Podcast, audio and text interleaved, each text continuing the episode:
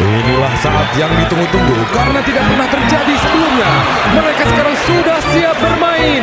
Inilah pemain cadangan. Iya.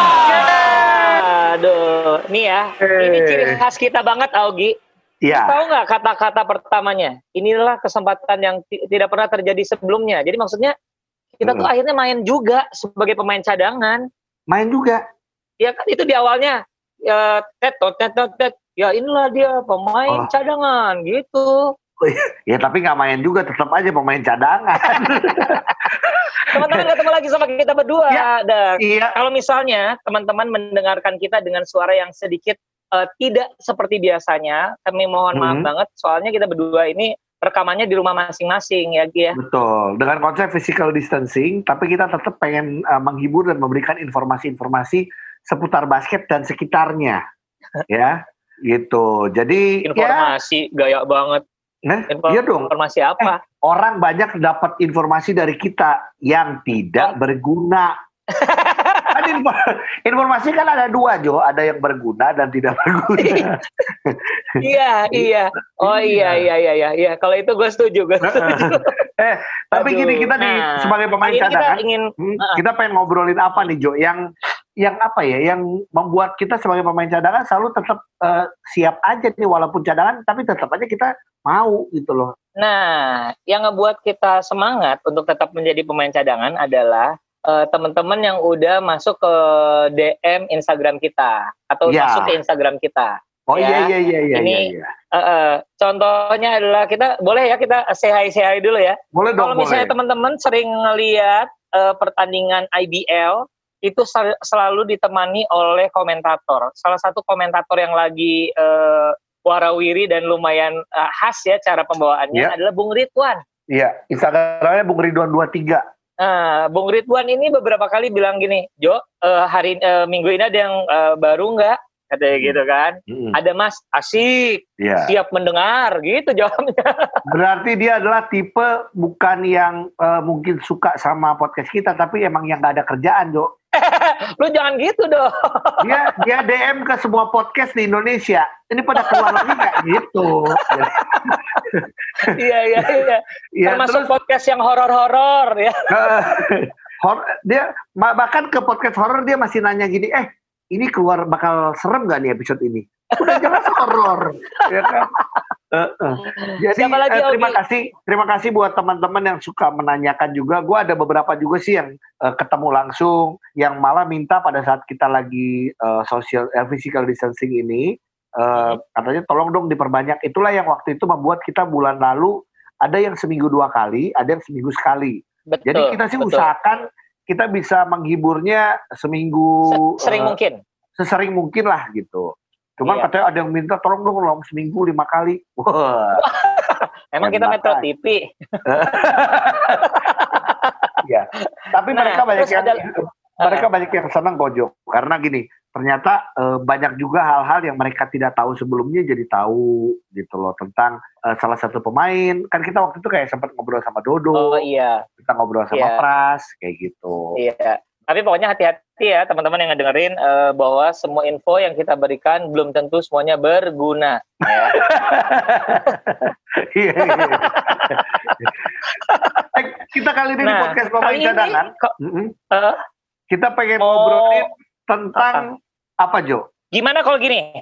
Walaupun cadangan, kita Ah. suka ke bawah kompetisi dong, Gi. Oh, iya dong, justru kita paling menunggu. Ya di situlah kita berkesempatan walaupun kita pemain cadangan dapat eh, jersey baru. Ya, gua Benar dapat kan? kalau yang profesional sekarang kan mereka nunggu kompetisi kenapa? Karena dapat banyak nggak cuma bukan masalah jersey baru, tapi dapat sepatu baru, dapat sih. uh, uang, uang transport kali, Iya sih. iya segala macam. Itu yang lebih enak. Tapi kita sendiri Iya. berdua kita punya pengalaman kok kalau kompetisi apalagi kalau gua juga zaman Iya dulu di Bandung ya kan. Heeh. Karena gua tuh dulu emang di Bandung nggak terlalu banyak kompetisi ataupun turnamen yang ada. Iya.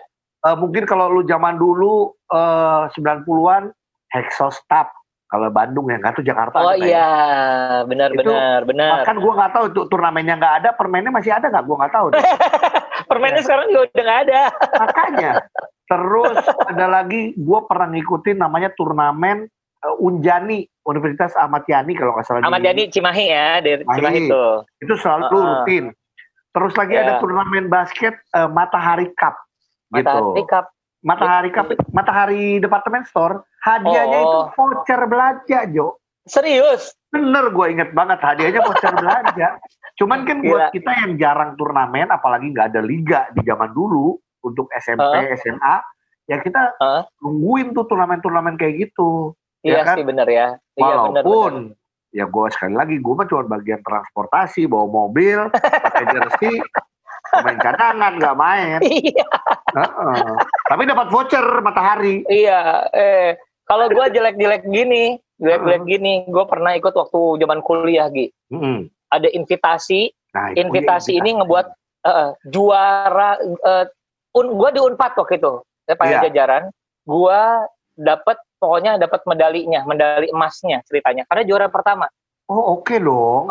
Turnamen antar pemuda Minang. Nah, loh. Semakin mengerucut ya. jadi Iya.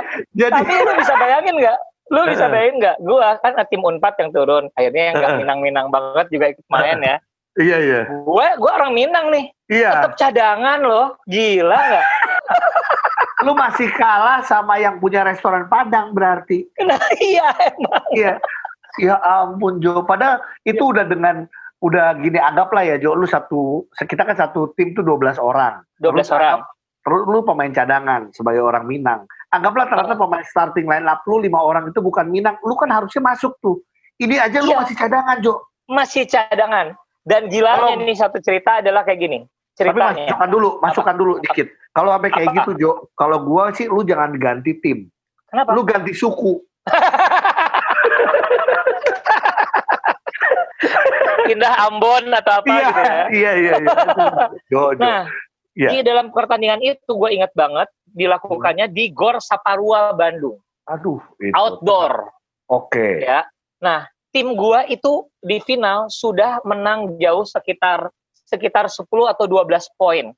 Oke banget. Dimasukkanlah dua menit terakhir pemain cadangan, yaitu Yaitu? saya. Asik. Saya, Iya. saya main ya. Eh?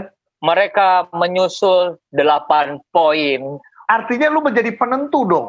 Penentu kemenangan tim lawan. Enggak, dia nyusul 8. Jadi Eh? tinggal 4 dong. Tinggal 4. Kita menangnya hanya 4 eh, poin dong. Iya, iya. Heeh. Akhirnya gue ditarik lagi.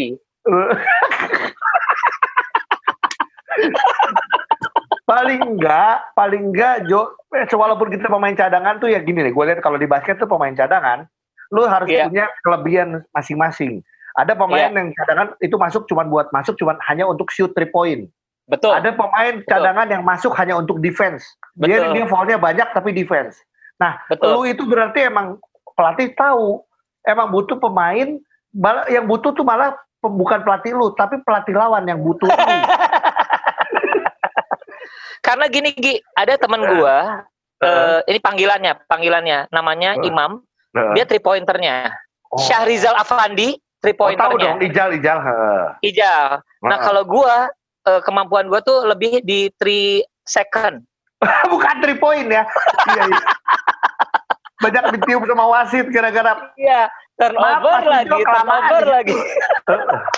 udah udah maaf udah kelamaan tuh di dalam.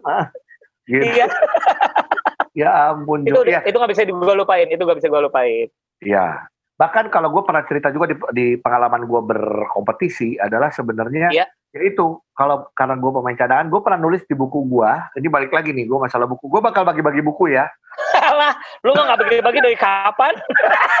nanti Jo ini kan baru episode berapa nanti pas sponsor masuk kan langsung gue bagiin bagiin Oh, ya, bukunya ada, sponsor. sponsor. bukunya sponsor bukan buku gue nah jadi gue itu pernah sekali tim gue udah menang jauh dua menit udah menang hampir 20 poin itu tinggal dua Ah. menit terakhir gue tuh gak dimainin masih belum dimainin ya itu Gua dimainin, lu nggak dimainin. gak Gila. dimainin akhirnya gue tanpa disuruh pelatih gue maju sendiri ke table itu apa apa table apa sih Table, ya ke table itu uh, official, official. official. Jadi wasit langsung tiup, "Ya udah, gue tunjuk teman gue tuh satu namanya Andi Lebon ada, gue tunjuk, gue gantiin dia. Setelah itu pelatih gue marah, udah besoknya gue udah gak dimainin lagi. tapi tapi ya sebagai pemain cadangan tuh butuh keberanian juga Jo. Karena kan pemain basket Iya. itu kalau lu cuma punya skill, tapi lu nggak punya Iya. mental yang berani, nggak bisa. Nah, Iya. gue balik kalau gue, gue nggak ada skill, mental gue Ah. berani. Gitu. Jadi gue berani masuk sendiri tanpa pelatih minta. Ih, luar biasa sih. Lu me- melanggar regulasi itu namanya. eh, tapi ngomong-ngomong masalah kompetisi ya. Iya. Kompetisi itu ternyata gue baru sadar ada yang rame, ada yang abal-abal ya. Iya, karena kan ini kompetisi, bikin sebuah kompetisi itu nggak gampang, Jo. Makanya kenapa kalau Iya kita sih. zaman dulu yang tadi kita cerita aja, kebanyakan mungkin sebutannya bukan kompetisi, Jo, tapi turnamen. Turnamen, Turnamen, itu satu iya, minggu, ya kan? Betul, betul. Kalau kompetisi Jumat, itu- Sabtu, Minggu. uh, uh. Heeh, kalau kompetisi itu sistemnya adalah poin. Jadi eh, lumayan waktu dengan waktu yang panjang, jumlah poinnya dijumlahkan, ada menang kalah seri kalau Oh sepak bola ya. iya, ya benar ya. menang kalah. Nah itulah makanya sekarang nih yang ada di Indonesia kalau saat ini ya eh, Liga Profesional Basket kita IBL. Uh, uh. Putrinya sebutannya Sri Kandi. Walaupun orang nyebutnya turnamen semi turnamen semi liga lah gitu. Sekarang kita Iya. ngomong IBL pun juga eh, bahkan komisionernya masih mengakui bahwa ini masih kurang. Kenapa? Karena waktu bertandingnya cuma sebentar. Jadi Iya. nggak nggak kayak liga, nggak kayak satu musim gitu loh. Kalau Jadi NBA liga panjang. berasa turnamen ya. Iya, liga rasa turnamen. Betul betul. Oh, gitu. gitu. sedangkan kalau kita bandingin sama NBA, satu tim 82 games ya, itu mah jelas-jelas liga yang udah ajak banget ya. Iya, ditambah dia home and away, ya kan? Jadi artinya Iya. itu udah jadi satu liga yang merupakan industri juga, Jo. Ya kan? Bener Kita sih. makanya bener, kenapa nggak aneh kalau kita eh, oh, mungkin orang teman-teman yang dengerin kita nih yang suka nonton NBA wajar karena itu emang udah udah mendunia terus Betul. secara sosial media, secara media juga bagus, promosinya. Marketing ya. pemain-pemainnya oke, itu udah jadi industri. Bahkan Iya. merchandise-nya pun juga udah jadi satu ya Industri jadi sendiri. Industri sendiri itu. Nah Benar, sekarang benar, benar. apalagi kompetisi Jo yang ada di eh, paling kompetisi SMA DBL. DBL Wah. udah wah itu lama, udah 17 hampir 16 17 tahun deh. Ini sih Gitu. gila ya. Untuk teman-teman yang pasti udah banyak yang merhatiin ya. Gue tuh Iya. pertama kali melihat ini tuh gara-gara gue lagi manggung di Surabaya, ada koran Ya. Jawa Pos kalau nggak salah. Ya. Terus kok ini ada satu lembar ngomongin basket basket semua, terus ada tulisannya DBL. Hmm. Itu waktu zaman tahun 2000 awal deh gitu. Terus gue lihat, kok ini basket SMA semua, tapi ada mukanya siapa, gede-gede fotonya gini-gini. Kok ini Hmm. besar-besaran banget ya ternyata. Akhirnya gue bisa berkenalan sama si eh, ini penggagasnya, Eh, Asrul Ananda Asrul. kan. Ya. Nah ternyata dia menerapkan sistem eh, liga yang luar biasa menarik sih kalau menurut gue. Lu harus Ya. ngirimin peno- eh, tim, harus Hmm. ada pelatihnya, guru Ya. harus ada yang nonton, penonton juga harus bawa. Kan gila menurut gue. Tapi itu eh, kalau gua karena mungkin karena kita kita di Jakarta itu kan di Surabaya ya awalnya ya. Dan orang Iya, benar, banyak yang benar. banyak yang menganggap bahwa ini aturan apa sih sampai harus kayak gitu. Banyak orang Betul. kayak gitu kan. Benar, Bahkan benar. pada yang Oh, lebih lebih banyak yang mencibir kata-katanya. Jadi yang lebih apaan sih harus bawa penonton lah segala macam. Tapi Iya, ternyata benar. sekarang kita lihat kompetisi yang paling stabil, kompetisi yang sudah Iya. melahirkan banyak pemain-pemain basket profesional ya dari DBL. Iya, Makanya gua gua melihatnya gini Jo, kompetisi akan seru bukan cuman karena di halftime-nya ada cewek-cewek cantik pakai rok ini, iya, atau pakai hot pants. Walaupun itu jadi inceran gua. Nah, tapi tapi justru yang lu tadi bilang Jo, ada peraturan. Peraturan itu Iya yang sih. penting menurut gua gitu. ini si DBL tidak Mm-mm. saja akhirnya melahirkan yang namanya pemain-pemain profesional yang mainnya akhirnya di IBL. Mm, Tapi penonton yang nonton juga kan makin banyak tuh si DBL. ya. Melahirkan agensi-agensi penonton bayaran juga gitu. Main kan Iya. profesional. Iya. Jadi banyak. Jadi kalau mungkin lu suka nonton acara-acara di TV dulu, kalau sekarang kan emang lagi physical distancing ya. Mungkin kalau Iya, bisa iya. ditanya dari agensi mana dulu? Ya saya dulu nonton DBL, sekarang jadi acara-acara. Oh, kamu dari agensi mana nonton apa? Nonton itu acara Rumah Uya. Alah, nonton Rumah Uya. dari, dari nonton basket ya Nah. nonton Rumah Uya. Iya. Iya. Nah, balik lagi nih ngomongin masalah kompetisi nih. Kompetisi, tapi gini, jangan pernah ngebandingin sama kompetisi yang udah ada di luar negeri kayak NBA atau NCAA.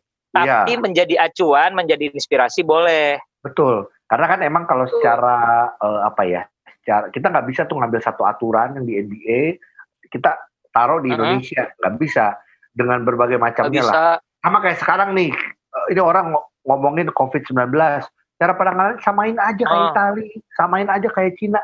Negaranya juga udah beda, Beda. masyarakatnya juga udah Bener. beda. Kalau di sana Uh-uh. disuruh diem di rumah, beneran diem di rumah. Yang di sini masih Benar. keluyuran. Masih ada di warung kopi. makanya Ih, gitu loh makanya itu makanya tapi eh gimana Jo kalau kita ngobrol gue penasaran juga sih Eh, karena eh, eh, ya sama Mas Asrul kita ngobrol sama Mas Asrul gimana eh, cara membuat waktu dulu tuh awalnya apa sih yang ada di pikirannya gitu loh Jo bisa Iya sih. pikir pengen bikin satu kompetisi gitu ya Nah, ini untuk teman-teman yang ngedengar ya, Hmm. hanya untuk mengingatkan saja. Asrul Ananda ini memang eh, pendiri dari DBL atau Liga Bola Basket Sekolah terbesar di Indonesia dan Iya. terkonsisten. Dan Iya. beliau juga sempat menjadi komisari, komisioner atau komisaris eh, Liga tertinggi Indonesia dengan nama bukan IBL tapi NBL selama berapa tahun, Gi? lima ya hampir lima ya Lima ya, lima tahun ya. ya Iya, gitu Hmm. Tapi sekarang udah sibuk lagi sama Yaudah. sepak bola udah jadi eh, Presidennya Persebaya ya. presidennya persebaya gitu kita ngobrol ya Teman-teman kita langsung bergabung bersama Ya. the one and only Asrul Ananda. Ah, Oke, jadi tadi kita ngobrol nih, Mas Astro kita ngobrol tentang kompetisi itu sebenarnya kalau menurut eh, kita adalah seru kalau aturannya jelas. Kalau nggak ada Iya aturan, nggak akan bisa seru. Kalau menurut gua, tapi nggak tahu nih. Makanya kita pengen nanya karena DBL nih udah kompetisinya berarti kan udah belasan tahun. Ya, gitu. udah udah Sweet 17 lewat kayaknya ya. Iya, Oh. Makanya. Jadi Nah, itu. Di awal, heeh, jadi di awal ketika buat DBL, apa yang ada di kepala Mas Asrul Ananda, nih liga harus seperti ini supaya ini gitu loh. Em, jadi dulu waktu pertama kali bikin kan sebenarnya eh, turnamen SMA kan bukan hal baru sebenarnya, sudah banyak sebenarnya. Ya, ya. Nah, cuman waktu itu eh, kita ngomong awal 2000-an ya kalau istilah Indonesia kan masih cukup primitif ya untuk liga olahraga di Indonesia. Ya. Eh, tapi. Uh, yang jelas waktu itu regulasi uh, belum jelas uh, dan yang paling saya rasakan sampai hari ini adalah setelah ngikutin berbagai macam liga olahraga lain, Hmm. kalaupun ada regulasi juga harus tegas. Jadi satu Oh. regulasinya jelas dulu, dua dijaga kan regulasi itu kan harus dijaga. Nah, Betul. Iya dong. itu yang pengalaman saya uh, ini udah hampir 20 tahun uh, bikin olahraga di Indonesia. Heeh. Tapi kan biasanya gini, malah banyak kan regulasi dibikin, tapi sama dianya sendiri ditabrak. Nah, Diganti. itu dia. Kalau kalau waktu DBL dulu gampang banget emang. Dulu Heeh. dulu gampang banget karena dulu itu belum ada regulasi. eh, mungkin ini pada pemain SMA semua nih ya. eh, Hmm. Belum ada regulasi misalnya eh, sekolahnya bagaimana. Kalau dia nggak naik Iya. kelas bagaimana. Eh, kan Heeh. waktu itu gampang banget terapinnya karena memang belum ada gitu. Kan kalau kalau Iya. pengalaman di Amerika kan kalau nilainya di bawah C kadang-kadang nggak boleh ikut gitu. Jadi Hmm. tergantung liganya juga, ada juga yang yang bolehin, ada yang nggak bolehin. Kebetulan waktu itu di Surabaya pengalaman yang juara selalu sekolah itu itu aja. Kemudian pemainnya itu ada yang sudah main di eh, Kobatama atau di IBL Hmm. waktu itu. Hah? Eh, dan bukan hanya itu, dia juga umurnya juga udah tiga tahun nggak naik kelas. Oh, udah seumur gurunya ya? jadi, jadi waktu itu eh, semua tanya waktu pertama kali bikin, ini ikut nggak gitu. Saya bilang ya secara kita ini turnamen baru kita nggak mungkin menolak, tapi. Betul. kita terima. Tapi kemudian waktu itu yang saya lakukan adalah supaya tidak satu arah, saya bikin dan ini ditandai sama tim saya di DBL sebagai hari lahir DBL Hmm. itu technical meeting pertama. Jadi waktu itu yang datang ya jadi waktu itu yang datang perwakilan pelatih 100 SMA waktu itu. Oke. Pertama nih ya. Pertama eh, 4 Juli 2004.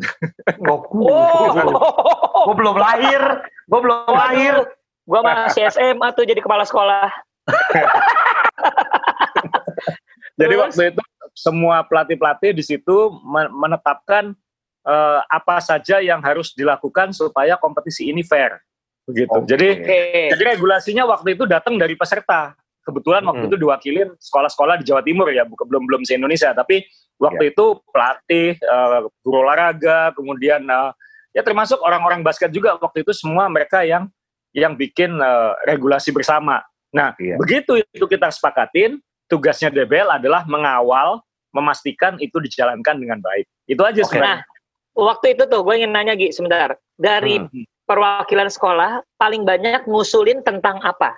soal pemain. Kalau dia memang anu sekolahnya harus benar. Kalau nggak naik kelas nggak boleh ikut. Itu sebenarnya untuk nyiasatin supaya nggak kan ada sekolah yang sengaja nggak dinaikin supaya main basket terus kayak gitu. Oh bener. Karena Iya ini sih. ini masalah masalah eh, apa peserta itu pasti jadi problem semuanya nggak cuma di basket. Karena kalau di sepak bola, gue tahu banget tuh kalau kelompok umur itu Iya. pun juga itu sangat dijaga. Karena kenapa? Lu nggak bisa ngelihat cuma dari tinggi badan. Bahkan sampai Iya. yang dites adalah eh, gigi apa mulut ya. Kalau nggak salah ada atu ada harus bisa lihat eh, jumlah apa rahang dan lain-lain lah segala macam gitu. Iya. Rahang Nah, kalau satu, SMA kan lebih gampang. Rahang SMA kan satu lebih aja. gampang. Eh iya iya. Ya, kita aja juga waktu itu akhirnya sampai harus memastikan bahwa dia juga jadi di waktu itu regulasi pemain itu dipagari dua akhirnya. Yang Hmm. pertama adalah tidak naik kelasnya lewat rapot. Heeh. Yang kedua dipagari lagi pakai umur. Iya. Makanya sempat hanya bisa ikut debel dua kali waktu itu ada beberapa pemain karena Oke. banyak mungkin dia S, begitu SMA-nya tahu regulasinya ini nggak naik kelas eh, boleh ikut dia dinaikin terus. Oh Mas iya juga juga. Iya. Tapi jujur ini ini yang bikin salut adalah gini. Selama eh, 17 tahun regulasi itu kan selalu gini, ada di eh, perbaharui. Makanya Iya. itu yang membuat kita lihat bahwa kompetisi DBL makin lama makin seru. Nah itu loh yang gua lihat ya, Makin mateng ya. makin mateng, makin seru gitu. Walaupun di tahun ini ada kurang, tahun ini ada kurang, makin lama diperbaharui lagi. Tapi emang dijaga regulasinya gitu ya, Mas ya. Iya, dia kalau kata Mas sekonsisten Asrul- mungkin lah. Ya, Ya. selain masalah regulasi, apalagi yang membuat sebuah kompetisi itu seru? Apalagi? Bakal bikin seru. Sebenarnya frameworknya dibuat dari dibuat dari regulasi itu memang karena eh, saya ingat waktu pertama kali jadi eh, komisioner NBL tahun Hmm. 2010, 2009 akhir mulainya. Itu di saat kan itulah sama. ya. Ya, proses itu saya ulangi lagi. Jadi ketika waktu itu bertemu dengan semua dewan komisaris, eh, jadi Semua klub. semua klub waktu itu kan buku regulasinya sudah ada. Hmm. Buku regulasi IBL itu sudah ada dulu itu. Ya. Oh, Tapi sudah kenapa ada. kok- Oke. Kenapa kok berlangsungnya kok banyak yang tidak sama dengan diisi buku itu gitu. Bukunya belum tebel sih, masih agak tipis Iya, gitu. iya. Terus kemudian dan kalau kita lihat framework regulasi itu sebenarnya untuk mempromosikan kompetisi yang baik kan sebenarnya kan semua regulasi kan Ya. pengennya seperti itu. Semua Iya kompetisi dong. dasarnya dilahirkan sama. Tapi kemudian kan pada pengawasannya, pada pelaksanaannya ini banyak diabaikan, dilanggar dan lain-lain kayak gitu. Jadi waktu Hmm. itu saya sampaikan ke klub-klub bahwa saya tidak akan punya hak veto. Saya nggak mau punya hak veto waktu itu. Ditawarin veto, Oke. saya nggak mau. Saya Oh, pengen ditawarin tuh ya. saya pengen eh, regulasi ini dijaga bersama 10 klub voting kalau memang ada ada perselisihan eh, kita voting. Kalau imbang waktu itu masih 10 kan eh, 5-5 Iya. saya suara ke 11 jadi oh, baru jadi- turun suara. jadi bentuk vetonya seperti itu. Jadi nah ketika itu disepakati bersama baru saya tugas saya adalah saya akan menerapkan gitu. Jadi Ya. ini semua sudah sepakat sama ya. Jadi nanti saya yang kalau saya ngasih sanksi harus nurut karena kan ini kesepakatan bersama bukan mau saya kayak gitu jadi Iya. Benar. Dan selama itu ada di buku semua ya. itu dilakukan kenapa By the book semua padahal ya. by the book uh, by the book dan bukunya ini setiap bulan kita evolusikan jadi kita meeting kejadian kejadian kan pasti ada kejadian Iya, ada. benar. Kasusnya Kejadian berkembang ya. misalnya, eh, saya ingat banget waktu itu eh, ada pemain-pemain sekarang salah satu center utama Indonesia. Eh, Uh-huh. Tapi waktu itu dia masih umur 17 tahun, tapi usianya itu masuk 18-nya itu ketika kompetisi dimulai. Kan itu kan kalau by regulasi strict mungkin dia belum boleh masuk, tapi kan Iya. cuma Boleh main. hari. Akhirnya waktu itu diflorkan, diregulasi bagaimana boleh atau enggak, divotingkan, setuju, masuk. Jadi jadi sebenarnya banyak proses demokrasinya aja. Jadi yang penting disampaikan, jangan disimpan-simpan tahu-tahu meletus jadi masalah kayak gitu. Nah, boleh itu benar benar benar. benar. Ya, kebanyakan yang- disimpan. yang- Iya, kadang-kadang, kadang-kadang pemilik klub sendiri juga kadang-kadang tidak paham regulasi gitu, tidak paham Iya. regulasi dan Dan kadang-kadang manajernya itu juga nggak bisa mutusin kayak gitu. Itu yang Iya. yang pertama ditegaskan adalah kalau rapat rapat liga waktu itu semua pembuat keputusan harus datang. Kalau dia ngirim orang yang nggak bisa nggak yang Ambil keputusan. Mewakili. yang rankingnya mungkin nggak tinggi lalu harus dipaksa membuat keputusan ya salahnya ngirim orang itu gitu. Jadi Iya iya iya iya iya iya. Mungkin mungkin Ujo ingat waktu itu kita lagi di Amerika tiba-tiba ada ada masalah Iya, ada masalah regulasi. Ujo nanya, Iya. kamu nggak Ujo? Enggak, biarin aja nanti diurusin di, di Indonesia. Ini pasti bisa diberesin kok. Aku bilang kayak gitu, karena kan regulasinya Nah. jelas. Gitu. Iya iya iya iya. iya. Aku sempat nanya Gi sama ini, eh Nah, nggak mau lu selesaiin dulu nih Mas Tuli gini-gini. Nggak nanti aja pas nyampe. Soalnya kan udah ada bukunya, baca aja Iya. peraturannya kalau mau bener katanya gitu. ya benar. Makanya itu itu yang membuat eh, gini. Gue ngelihat adalah kenapa DBL. Makanya kenapa kita pengen ngobrol sama Mas Asrul adalah gini.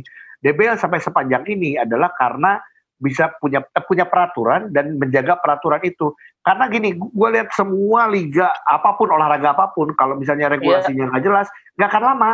Ataupun Iya. juga mungkin Iya ya udah stop di tengah jalan dan lain-lain gitu loh. Atau Dan banyak klub memang ya, akan eh, goda. Standarnya nggak bisa eh, standarnya nggak bisa dinaikin ya. Hmm. Dan klub-klubnya kan goda gitu, akan mencari celah supaya bagaimana Iya. caranya regulasi ini bisa diakalin Ya, segala macam. dan gini, dan salah nggak salah, salah nggak klubnya kayak gitu? Enggak, pasti klub Enggak juga. akan mencari cara gimana kita bisa dapat sesuatu yang lebih baik dibanding yang lain. Betul. Sekarang kita tanya sama Mas Asrul, Mas Asrul sekarang pegang persebaya sebagai pemilik klub, sama kayak gitu, betul nggak, Mas? Betul. Tuh, iya. Gampang aja begini. Oke, Mas Asrul, thank you banget Mas, udah ngobrol-ngobrol. Thank you. Ah, Thank you, thank you. semoga sehat di sana. Salam buat Sama-sama. keluarga, salam buat teman-teman juga di sana semuanya ya. Ya, moga-moga ini cepat berlalu. Jadi kalau kita ketemuan beneran nanti Ogi rambutnya masih segini dan Ujo udah cukur lah ya, kayak gitu. thank you, thank you. Nah, balik lagi bersama kita berdua. Iya, Orang paling pemain tahu di dunia bola basket. Betul, sambil kita ngomongin soal eh, keseruan kompetisi. Jadi ternyata keseruan kompetisi itu yaitu melibatkan semuanya, aturannya iya, eh, terus pasti timnya iya, terus juga entertainmentnya seperti apa. Apalagi kalau basket tuh ada All Star Game, itu kan harus kayak gimana. Kita ngikutin Benar. dari NBA boleh, tapi se sebisa mungkin lah, jangan terlalu dipaksakan juga, ya kan? Benar, Kayak benar. gitu. Heeh. Oke, kalau gue nanya Ogi nih, Gi, Oke. tolong buatin liga yang asik. Kalau Ya. kalau menurut lu persyaratan yang pertama itu apa? buat gue sekarang sudah ada liga yang asik dan mungkin orang nggak sadar, terutama anak-anak basket nggak sadar. Apa? Liga Dangdut Indonesia itu rame banget Jo. Bukan, bukan. Eh, lu basket, basket, Ya, basket, lu tadi Pak. mak- makanya yang jelas dong pertanyaannya. Lu juga sih. Eh, Itu Liga Dangdut Kan- Jo, gue suka nonton Jo. Apalagi sekarang konsep di rumah aja ini, walaupun LDI ini tanpa penonton, gue lihat Ramzi, Gilang Dirga dan kawan-kawan membawakannya dengan bagus. Bahkan Iya, sampai kemarin iya. yang tereliminasi aja, itu Iya, masih iya. disambut, ya kan? iya. Itu sampai orang-orang bukan bukan sambut, pengen sambit, udah jelas.